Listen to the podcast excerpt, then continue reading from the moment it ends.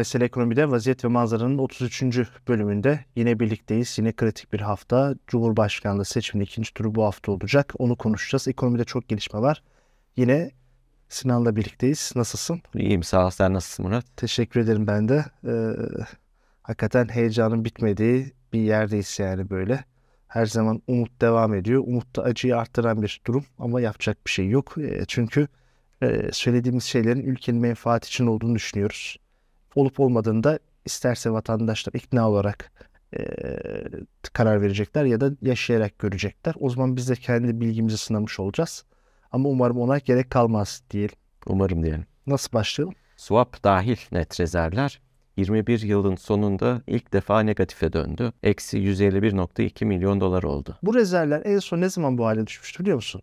Ocak 2001, 2002'de. Tam bir hafta sonra da Türkiye IMF anlaşması imzaladı. Yani Türkiye IMF anlaşması imzaladığı günlerde kadar zor durumda. Bu bir. İkincisi zaten hala hazırda 24 milyar dolarlık yabancı bankalarla yapmış olduğumuz swaplar var. Aslında daha fazla hacimli de 24'ünü kullanmış durumdayız.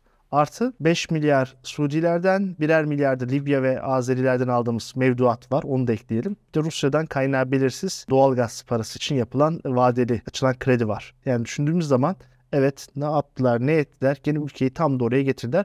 2001 krizi kadar kötü değil. 2001 krizinden çıkmaya başladığımız süreç daha kadar kötü. Eğer devam edersek o da bir de göreceğiz. Peki tam da onu soracağım. Bir taraftan bu e, rezerv tartışması var. Diğer taraftan kuru tutmak için de adımlar atılıyor. İnsanları KKM'de tutmak için adımlar atılıyor. Paralar KKM'den çekilmesin diye giderek artan ekstra primler söz konusu. Bizi önümüzdeki süreçte gidişat böyle devam ettiği takdirde ne bekler? Bugünkü resimden ne görüyorsun? Önce bu geçtiğimiz haftayı bir konuşalım. Geçtiğimiz haftaya bakınca veriler o kadar da kötü değil. Yani veriler kötü de verilerde yeni bir, çok büyük bir bozulma yok. KKM sadece 1,5 milyar dolar artmış. E, bunların dönüp dolaşıp Merkez Bankası'ndan park edildiğini biliyoruz dövizden dönüşümün. Peki rezerv o kadar çok düşmemiş. Hazineyi de çıkardığımız zaman eksi 75 milyar dolardan biraz kötü. Yani daha önceki haftada çok daha büyük bozulma vardı. Tamam. Kur işte yine 19.90. Hadi geçelim 20.80'den 20.90'dan alabilen kurumlar hala var. Bireyler daha yukarıdan alıyorlar hala. Tamam çok büyük bir kötüleşme yok. Niye yok? Çünkü döviz alamıyorsunuz. Yani döviz alamadığınız zaman e, bu da verileri yansımıyor. Yani almayacaksın kardeşim diyor. Varsa diyor ithalat ödemen şungun cebinde ne kadar varsa diyor. Çok zorunlu bir ithalatın varsa çok az bir miktar sana veriyorum diyor. E o zaman tabii veriler kötüleşmez.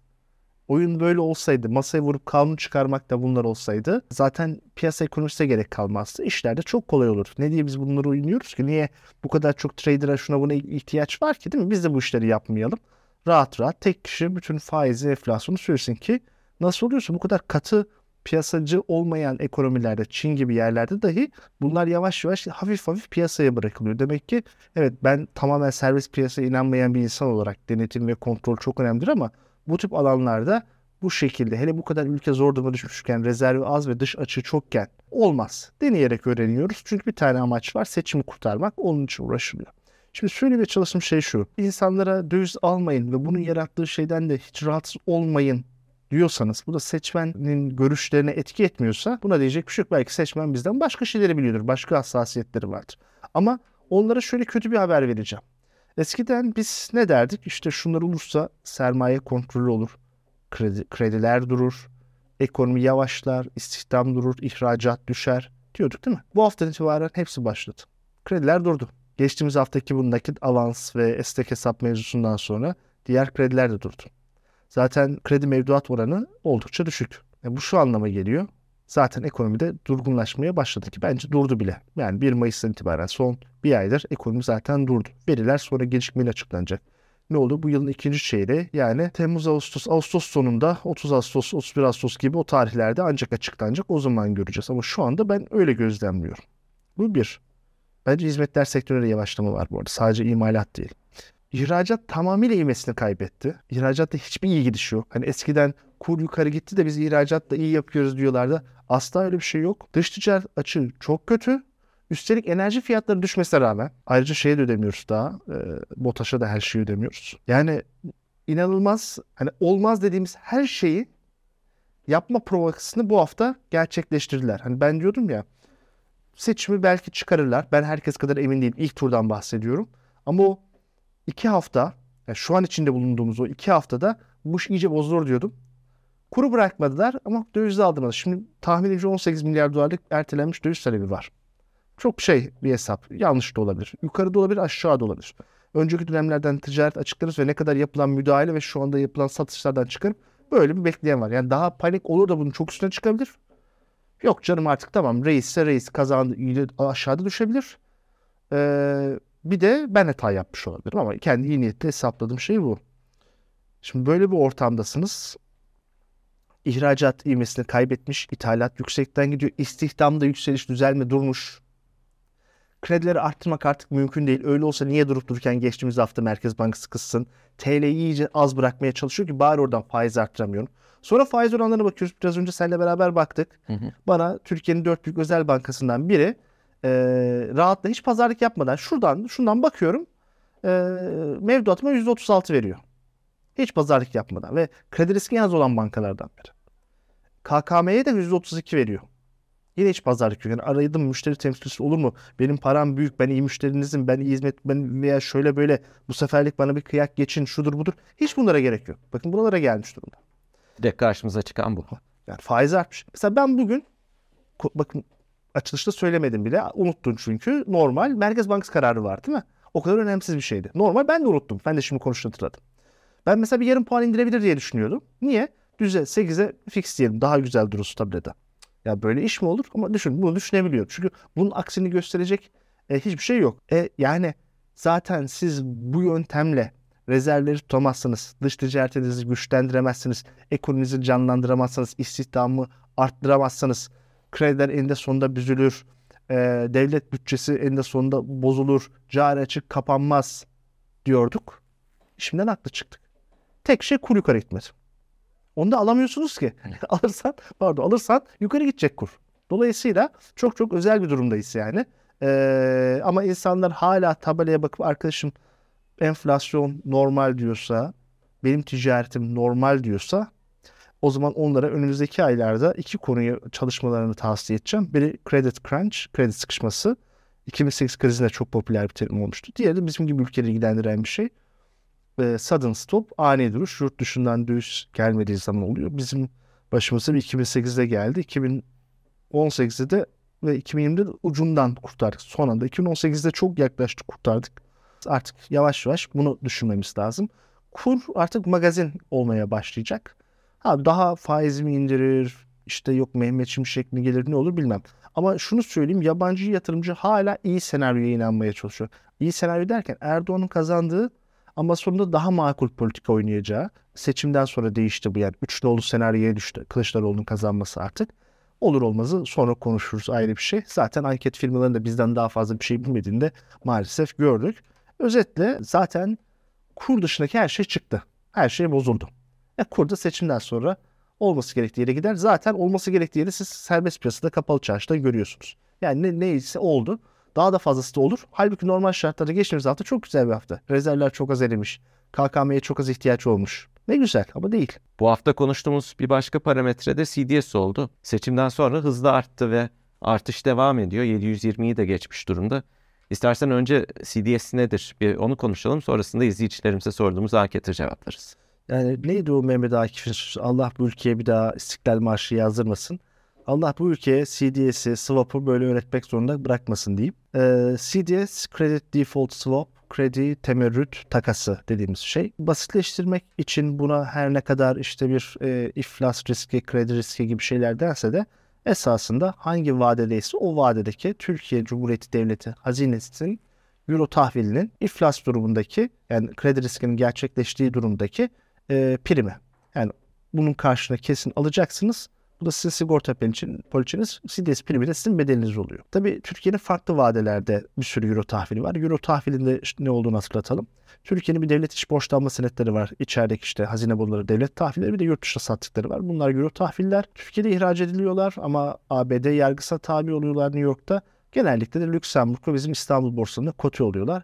Yabancı e, yerler alamaz doğrudan. Genelde e, bankalara da yurt dışında biz bankalar üzerinden alırız. Ama bayağı tabii bireylerin de talebi var dolaylı olarak. Bireyler de seviyorlar bunu. Ne de olsa diyorlar işte yabancı olan o borç batırılamaz diye düşünüyorlar. Teknik olarak haklılar ama farklı istisnaları var. Arjantin'de de sorunlar çıktı. Şimdi bunların için gerekli olan kredi riskini içeren bir e, enstrüman bu. Şunu da unutmayalım konuştuğumuz hep en likit olan 5 yıl vadelisi. Bunun 1 yıl vadesi var, 2 yılı var, 10 yılı var. Mesela 1 yıldaki şu anda daha fazla çünkü daha yakın zamanlı çok uzun vadede çözülür gibi görünüyor. Bunun dışında bu aslında şu anlama geliyor. Diyelim ki 500 bas puansa %5 demek o. 5 yıl vadeli bir tahvilse her bir yılı için %5 sigorta primi ödüyorsun. Ana paranı artı faizlerini alıyorsun bu şekilde gerçekleşiyor.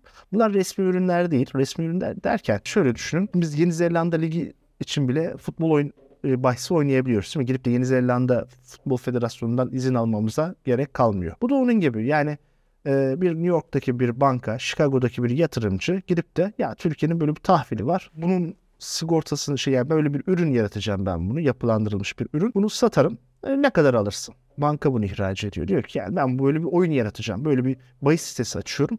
Bunu alır mısın? İşte sen 500 diyorsun. İşte daha büyükler geliyor şu oluyor. Bir fiyat normal piyasa e, mekanizması oturuyor. Çok likit değildir. Piyasasında kesinlikle yukarı aşağı yönlü zaten gün içerisinde çok olur. Hareketlenmeler olabilir. Bozulabilir. Üstünde oynanabilecek bir veridir. Ama uzun vadede oynayamazsınız. Zaten ne kadar oynarsanız oynayın. iki şey daha var. Bir, kredi notlarınız. Zaten üç büyük kredi kuruluşunun iki tanesi zaten bize tarihin en düşük notunu vermiş. Oradan belli. İkincisi de e, Hazine iki gün sonra Euro tahvil ihracı da çıkacak. E, çıktığı zaman ne yapıyoruz? US Treasury ABD hazinesinin tahviliyle aradaki bir marj ortaya çıkıyor. E tamam sen CDS'i baskıda adam o CDS'in oradaki baskılı olduğunu görüp de buna inanıp da öyle mi spread isteyecek? E, bir yani dolayısıyla bu da bir yere kadar. İşte kredi e, CDS dediğimiz mevzu da budur. Yani Euro tahvil ve CDS. Ben her zaman önemserim ama hiçbir zaman hiçbir varlık aracını çok önemsemem. Bu kadar likit olmayan bir şey için e, manipüle etmenin de hiçbir anlamı yoktur. Yani saçma sapan bir şey olur. Biz izleyicilerimize bu hafta seçimle ilişkili olarak CDS primi beklentilerini sorduk. İkinci turdan sonra Türkiye'nin CDS risk primi hangi seviyede olur dedik. Ee, izleyicilerimizden gelen cevaplar şöyle. %7 ise 300 ile 500 arasında bekliyor. %9'u 500 ile 700 arasında bekliyor. %36'sı 700-900 bandında bekliyor ve %48'i izleyicilerimizin 900'ün üstünde olur diyor. Nasıl değerlendiriyorsun? Şimdi önce bazı izleyiciler yazmış. Demiş ki bu seçim sonuçlarına bağlı. Arkadaşım zaten seçim sonucunu sana söylersem bu kolay bir şey olur yani. Mesela onu onu bilerek atman da yani. Zorluk burada. Şimdi ben, ben şimdi trading deskte oturacağım. Karşıdan bunu alsam mı almasam mı? Gökten bekleyeceğim. Seçim sonucu gelmeyecek bana gökten. Ona göre bir beklenti, bir beklenti oluşturacaksın yani. Yoksa zaten gerçekleşir o. Yani. Dolayısıyla bazen böyle e, enteresan yorumları oluyor arkadaşlarımızın. Birazcık daha şeyin arttırmaları lazım bu finansal okuryazarlığı. Bu bir. İkincisi Şimdi bu CDS'in e, düzeyiyle ilgili birkaç yorum yapmam gerekiyor. Şimdi bizim gibi ülkenin aslında 150 ile 300 arasında olması lazım. Biz bu ülkeyi kırdık. Ben o yüzden şıkları 300'ün altını bile koymadım. Oralara kolay kolay gelemeyiz. Bir ağır borç yükü var şudur budur. 300 ile 500 e, aranı bizim gibi ülkenin normal dönemdeki yüksek tansiyonlu dönemleridir. Artık anormal dönemler yani. Yüksek tansiyonu geçtik baya baya. 900'ün üstünü ise biz hiç görmedik. Yani en son 2001 krizinde buralar vardı. Bir de şimdi 900 var. Zaten bu tip ürünler 90'larda çıktı. Türkiye'nin ilk böyle 94 krizinde bunlar çok yetişmedi. Türkiye'nin de ilk yanılmıyorsam 92'de çıkardık. Biz 92 veya 93'te ilk euro tahvili. Zaten 89'da paramız konvertibil oldu. 90'da bizim paramızın konvertibilitesini IMF onayladı. Euro tahvil çıkaracaktık galiba 91'de. Körfez Savaşı girdi. 92'de ilk kredi notumuzu aldık. S&P veya Moody's. Moody's diye hatırlıyorum. Sonrasında da e, şey ilk ihraç oldu ve tepe taklaklı ülke gitti 94 krizi ve arkasını 2001-2002'de. Şimdi 2008'deki düzeyin üstüne çıktık biz geçen sene. Sonrasında sermaye kısıtlamaları geldi. Ve bir de KKM'nin faizi de kaldırıldı. Öyle olunca KKM işte yılbaşında 73 milyar dolarken şimdi 122 milyar dolar neredeyse geldi. Oradaki dövizi de tekrar satabilecek bir alan yarattılar. Şimdi bunları ön bilgi olarak verdim. Şimdi kendi yorumuma geçiyorum. Şunu unutmayalım. CDS elinde sonunda kredi notu gibi bir ülkenin ne kadar iyi olduğunu değil, borcunu öde ödeyebilme kapasitesi, kapasitesini artı borcunu ödeme isteğini fiyatlar. Yani borcunu ödeyebilme kapasitesi Yunanistan'ın çok düşük olduğu için %30'lara çıkmıştı CDS. Arjantin'in çok yüksek olması nedeniyle borcunu ödemek istememesinden ötürüydü. Ülkeniz gayet iyi olabilir ama tabii bunda bambaşka sorunları var. Öyle yok borcumu ödeyemiyorum. E, ne olacak canım? E, şey alacakları düşünsün veya ödemeyeceğim vazgeçtim böyle düz gitmiyor ama tek bir enstrüman bakarsak birçok şeyi kaçırabiliyor onu anlatmaya çalışıyorum. O yüzden bizden çok daha geri ülkelerin kredi notu bizden yüksek olabiliyor ama bizden iyi hayatları olduğu anlamına gelmiyor. Tam tersi aynı şekilde. Arjantin bizden kötü ama herhalde şu anda hepimiz Arjantin'de maç izlemek, tango yapmak, basketbolda da iyiler bu arada. İşte o büyük etlerden yemek isteriz herhalde. Daha Buenos Aires'te İstanbul'a göre ben gitmedim. O çok daha güzel duran bir şey. Yani bunlarla karıştırmayalım. Burada da aslında e, dikkatli izleyicilere laf e, bir şey yapıyorum. E, izleyicilere değil de onlara bir pas atıyorum. Biliyorsunuz Merkez Bankası Başkanımız da bizim CDS primlerini e, suç oranıyla Sao Paulo'daki yerlerle kıyaslama durumuna düşmüştü. Neyse işte bu insanlar da profesör ve Merkez Bankası Başkanı oldular. Buradan devam edeyim. Şimdi dolayısıyla şu saatten sonra Türkiye böyle bir dış ödemeler dengesi krizi riskine doğru gidiyorsa yani ülkenin içerisindeki döviz tiketler, döviz varlıklar yeterli olmayacak. Bu yüzden de ithalatta ve dış borç ödemelerde ciddi sorunlar yaşanacak beklentisindeyseniz burası zaten 900'ü çat diye kırar ve çok büyük bir zaten 900 çok büyük 500 bile çok büyük buraya parçalar geçer. Olur da daha geçiş sürecinde Erdoğan birazcık daha yumuşak politikalar yapar başka para kaynakları bulur şudur edir diyorsanız bence gene 700'ün altına gelmez bu artık. kolay kolay. Onu da söyleyeyim yani e, bugünkü durum en kötüsüdür. Erdoğan olduğu zaman bile diyemem. Muhalefet kazanırsa zaten gördük 500'ün altına geliyor. Ama şu kadar belirsizlik, bu kadar meclisin karşı tarafta olduğu bir durumda, ülkenin dış borcunun bu kadar arttığı durumda, rezervlerin bu kadar kötü olduğu bir durumda bir IMF anlaşması yapmasının ihtimali olmadığı durumda ki bir sürü eksi bir sürü artısı var. Karmaşık bir prosestir o. Çok da aşağıya da gelmez. Dolayısıyla e, ona göre bakmak lazım. Şimdi o zaman ben kendi seçim beklentimi de buradan bağlarım sonraki seyre geçerim. Şimdi ben tabii ki hala umutluyum muhalefetin kazanması için. Elimizden geleni yapalım. En sonunda onunla ilgili birkaç cümle söyleyeceğim. Lakin şimdi oturmuşum deske baktığım zaman yani Türkiye diye bir ülkeyi bilmiyorum ben. Yani biliyorum da vatandaşı değil, beni ilgilendirmiyor. İlk turda 49,5 almış Erdoğan. E zaten devlet gücüne şey. Ortadaki adaylardan bir tanesi onun lehine dönmüş. Üstelik bu düşük katılımla alınmamış bu oylar. Yüksek katılımda da olmuş. Tüketici güven endeksi çok kötü değil. Bu esnada oyunu değiştirecek çok büyük bir şok yaşanmamış. Ve o zaman tabii ha bir de meclis çoğunluğunu bu grup kazanmış ve ülkenin muhafazakar kesimi bu tip konulardaki istikrarı önemserler. O zaman tabii ki ana senaryo olarak Erdoğan'ın kazanmasını alır. Ondan sonra ikiye ayırırım. Hangi Erdoğan? Gerçek Erdoğan mı diyelim? Yoksa Erdoğan gene aslında yani bizi böyle korkuttu korkuttu ama bunlar oy almak için de işte iş sıkışınca Erdoğan ikna edecekler bu mu? Ben çok kez Erdoğan'ın pragmatizmini gördüğümüzü biliyorum. Ama son dönemde o pragmatizm miktarı çok azaldı. Dolayısıyla oraya çok inanmıyorum. Benim de ana senaryom bu yüzden de D şıkkı olur. Sonra C şıkkın derim. Ama e, kesinlikle muhalefetin de hala kazanma şansı var. E, bazı hatalardan ders alındı, bazı güzel hamleler yapıldı. Bir moral bozukluğu vardı. Bu da atlatıldı. Konuşuruz bunları birazdan. Dolayısıyla bunu göz ardı etmek lazım. Ama diyorum ya hani öyle böyle yanılmak şey etmek değil. Madem bir trade yapacaksın, gireceksin. Ben D şıkkına oynardım ilk. Umudum inşallah bu olmaz. Çok kötü bir şık ülke için ama ben tek oy kullanmıyorum. Benim oyun bir oy. Yapabileceğimi zaten yaptım. Dolayısıyla düşüncem benim e, önümüzdeki dönemde bu CDS'in daha çok konuşulacağıdır. Bir de böyle çılgın fikirler vardı. İşte CDS'leri bankalar alsınlar da fiyatı düşsün diye. Hani hakikaten tam bir cehalet.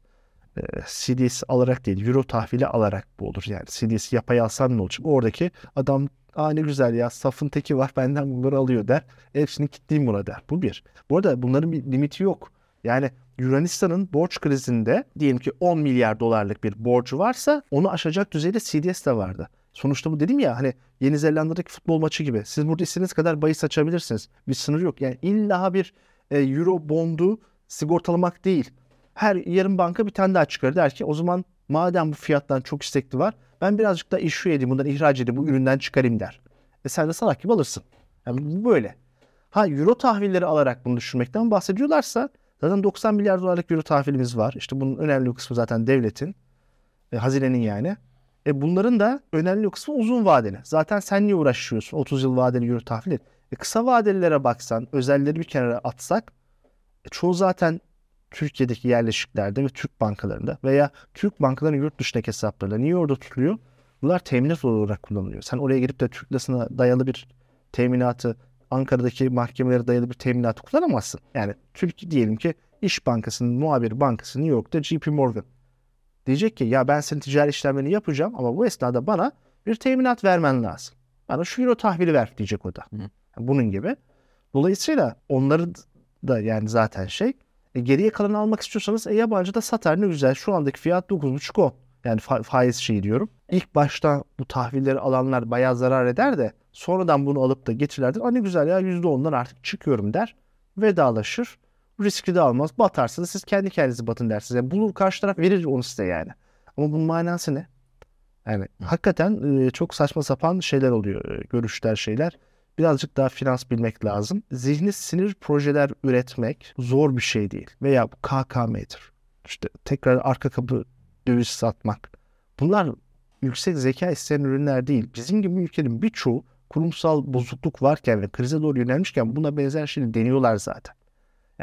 Benim de alanım yükselen piyasa ülkeleri olduğu için hani araştırma alanında da çok kez görüyorum bunu. Bunlar bir şey değil. Hani çok akıllı bir adam aa yapıyor bunu ediyor değil. Biz sadece iki şey hesaba katamıyoruz. Bunlar ne kadarına cüret ederler? Çünkü birçoğu suç bunları kötüye kullanmak. İki, halk ne kadar sessiz kalır? Yani sen mesela şimdi e, 121,5 milyar dolarlık bir kur korumalı mevduat hacminiz oldu. Hadi bunların mevduat ortalaması da %20 diyelim. Hadi o 121'inde 20'sine şey diyelim TL cinsi diyelim dövizden 100 diyelim. Daha fazla da artık diyelim ki. 3 aydan bahsedelim. %20 kabaca %5 ediyor. Kuru da resmi kuru geçtiğimiz haftaya göre 19.80 alalım. Ne ediyor? 20.80. 20.80'den sonra geçtiği her yerde devlet prim ödeyecek. Hadi iyi haber hazine ödemeyecek. Neredeyse hepsinin Merkez Bankası kaydırdı. Ama merkez ödeyecek. E tabii ki bu enflasyon yaratacak. Çünkü TL olarak ödeyecek. Artı adam bunu döviz olarak alıp çıkmak isterse de vermek zorundasın. Vermiyorsan daha da panik yaratacaksın. E, sonraki aşama şu. Merkez Bankası o kadar çok bunlardan ödeyecek ki enflasyonu iyice yarattığı gibi esasında sen bu parasal genişlemeye gidip de şu anda Türkiye'deki deprem bölgesi çok ihtiyacı olan insanlar için kullanmak yerine saçma sapan bir ekonomi politikasını desteklemek için kullanmış olacaksın. Ne oluyor? Deminki hesaba göre diyelim ki 20.80 dedik ya başa baş. 3 lira gittiğini varsayalım. Hani o 20.80'e kadar olan şey e, bankanın üstünde kaldı. Diyelim ki 3 lira, lirada yukarıya gitti 3 ay içerisinde. Tabii çok karışık. Bunun kimisi dolar, kimisi avro, kimisi sterlin, kimisi katılım hesabı, kimisi tüzel, kimisi bireysel şey yani bir sürü fark var ama basitleştirerek söylüyorum. 3 ay var, 12 ay var, şudur budur. 3 lira çarpı 100, 300 lira gidecek 300 milyar lira. Bu. Yani bunu düşünmek yüksek zeka, yüksek matematik gerektirmiyor. Yapmak yüksek cesaret gerektiriyor. Aynı zamanda ülkeyi sevmemek gerektiriyor. Buna ses çıkarmamaksa çok sessiz bir toplum bulmak gerekiyor. Bunlar olursa yaparlar. Öyle diyeyim. Peki son olarak seçimin ikinci turunu sorayım. İlk turu gördük, ilk turun sonuçlarını gördük. İlk turun sonuçları ortaya çıktıktan sonra tarafların stratejilerindeki değişiklikleri gördük. Muhalefet tarafında Kılıçdaroğlu'nun söylemlerinde bazı değişiklikler oldu. Buna paralel olarak işbirliklerinde bazı değişiklikler oldu. Zafer Partisi e, Millet İttifakı tarafında resmin içine dahil oldu. Karşı tarafa baktığımızda Cumhur İttifakı'na Sinan Oğan'ın destek verdiğini gördük. Tüm bunlar yaşanırken az önce konuştuğumuz, iki haftadır konuştuğumuz ekonomideki gelişmeler de devam ediyor. Ve böyle bir tablo içerisinde ikinci tura gidiyoruz. Ben sana şunu sorayım. İkinci turu öncesinde kişisel olarak sen nasıl görüyorsun? Tüm bu gelişmeleri değerlendirdiğinde, matematiği yaptığında, oy dağılımını ve e, geçmişten bugüne seçmenin davranışlarını analiz ettiğinde nasıl bir beklentin var? Şimdi gerçekçi bakmak gerekiyor ama ümitkar da olmak lazım.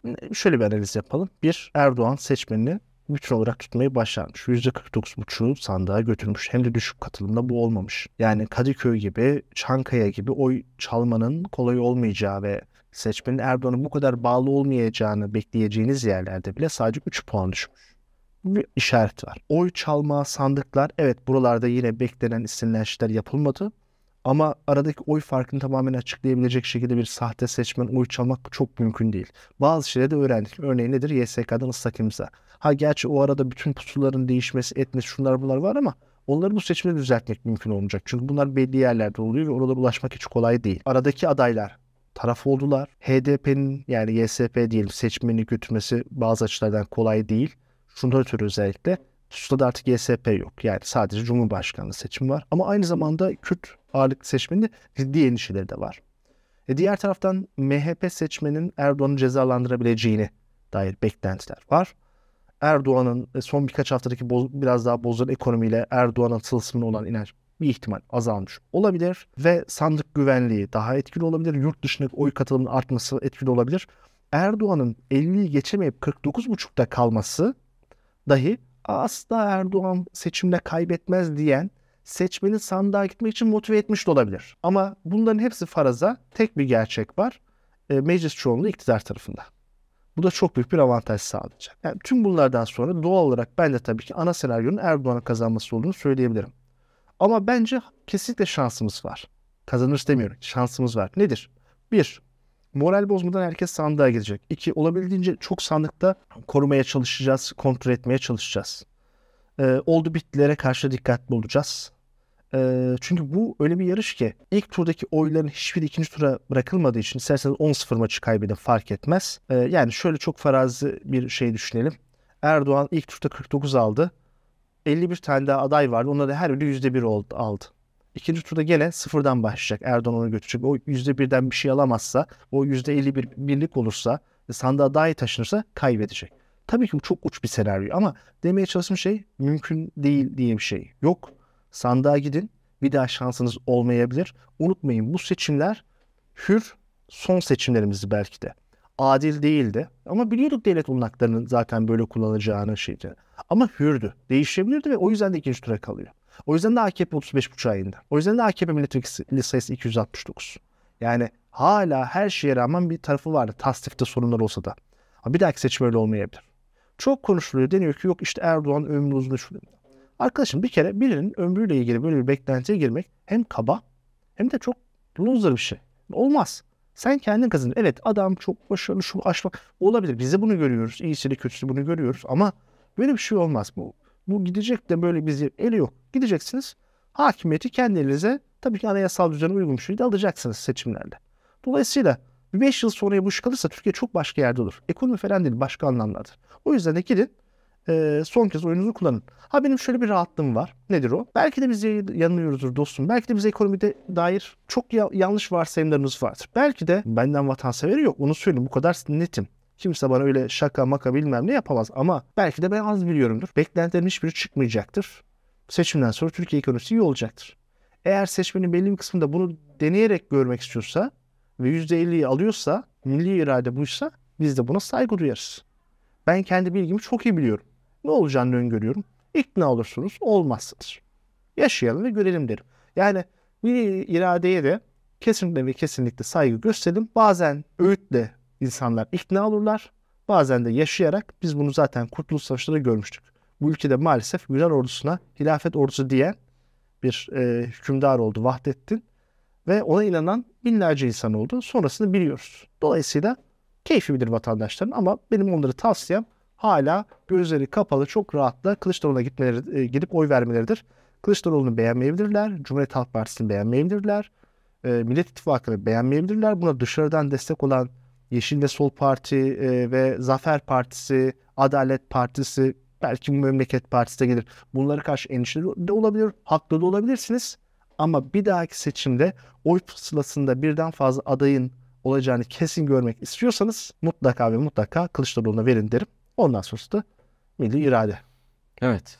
Bütün izleyicilerimize bir kez daha oy kullanmaları için çağrıda bulunalım. Oylarına sahip çıkmaları, sayım süreçlerine, oy kullandıkları okulda takip etmeleri eğer müşahit değillerse tekrar hatırlatalım, rica edelim, çağrıda bulunalım. Çok teşekkür ederim Murat. Ben teşekkür ederim. Lütfen arkadaşlar sandığa gidelim, sandığı koruyalım. Cumhuriyet bize ait. En kötü halde bile mücadele devam eder. Bunu da unutmayın. Haftaya zaten her kuşta yine görüşeceğiz. Hoşçakalın.